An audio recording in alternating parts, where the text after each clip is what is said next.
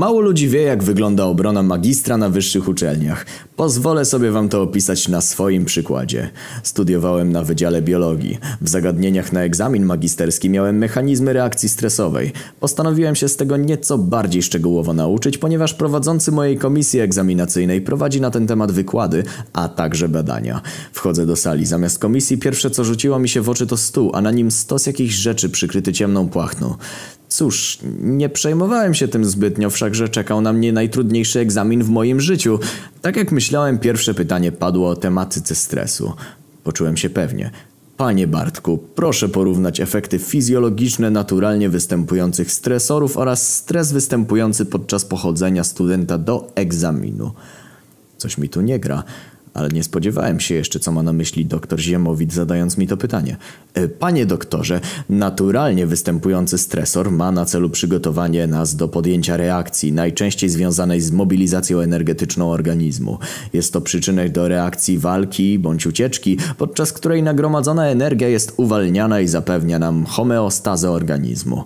W przypadku egzaminu następuje również mobilizacja organizmu, jednak zamiast fizycznie podjąć jakieś działania, to siedzimy w ławce i piszemy egzamin, a nasz organizm gotowy jest do działania na śmierć i życie. Prowadzi to do chorób cywilizacyjnych. Doktor zabrał głos. Bardzo dobrze. Każdy stres powinien mieć jakieś ujście w aktywności fizycznej, dlatego nasza uczelnia wychodzi temu naprzeciw. Niech pan zdejmie płachtę ze stołu. Jestem lekko zdezorientowany, ale podchodzę do stołu i ściągam płachtę. Przecieram oczy ze zdziwienia. Papierze w głowie zaczynają mi tańczyć makarenę. Pod płachtą jest zestaw żywcem wyjęty ze średniowiecza. Miecze, zbroje, kolczugi. Widzę także jedną tarczę. Zanim zdążyłem coś powiedzieć, odezwał się recenzent mojej pracy. Proszę wprowadzić magistra Rówczyńskiego. Drzwi się otwierają i do sali wchodzi jakiś gość, ledwo starszy ode mnie. Podchodzi do stołu, ubiera kolczugę i hełm, nawet nie zwrócił na mnie uwagi. Doktor Ziemowicz zabiera głos. Panie Bartku, proszę chwycić za miecz i tarczę. Pana zadaniem będzie ochrona pana Rówczyńskiego, tak aby nie otrzymał od nas żadnych ciosów. Jeśli pisanie pańskiej pracy magisterskiej przeszło pomyślnie, po pana stronie może stanąć pański promotor. Rzucam okiem na mojego promotora.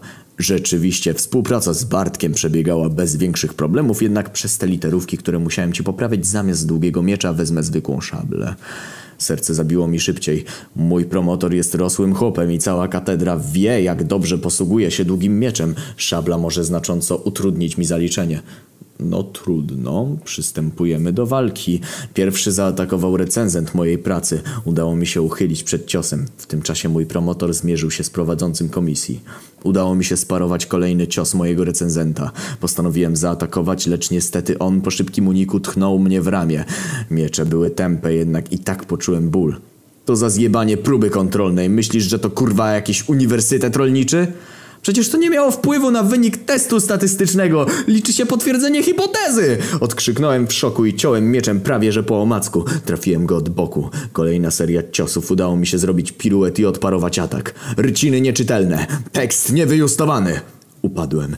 Recenzent stanął nade mną z uniesioną bronią. Już prawie mnie uderzył, jednak mój promotor zablokował jego cios i kopnął go na ścianę. Masz kurwo Worda z 2002 i ci tekstu nie sformatowało! Stanął w mojej obronie promotor. Niestety prowadzący komisję wyczuł okazję i zaatakował magistra Rówczyńskiego, próbując ciąć go po łydce. Na szczęście w porę zareagowałem i sparowałem ten cios. Walka trwała jeszcze chwilę, aż wraz z promotorem powaliliśmy przeciwnika na ziemię. Stop! krzyknął prowadzący. To już koniec. Rzeczywiście ten wysiłek fizyczny sprawił, że rozładowałem cały stres. Czułem się świetnie. Gratulacje, panie Bartoszu, zapał prowadzący. Tylko raz byliśmy blisko uderzenia magistra Rówczyńskiego, a to całkiem dobry wynik. Normalnie postawiłbym panu 4,5, jednak z uwagi na doskonały piruet na początku walki podwyższam ocenę do 5.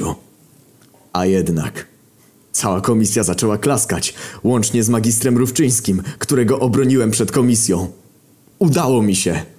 Obroniłem magistra.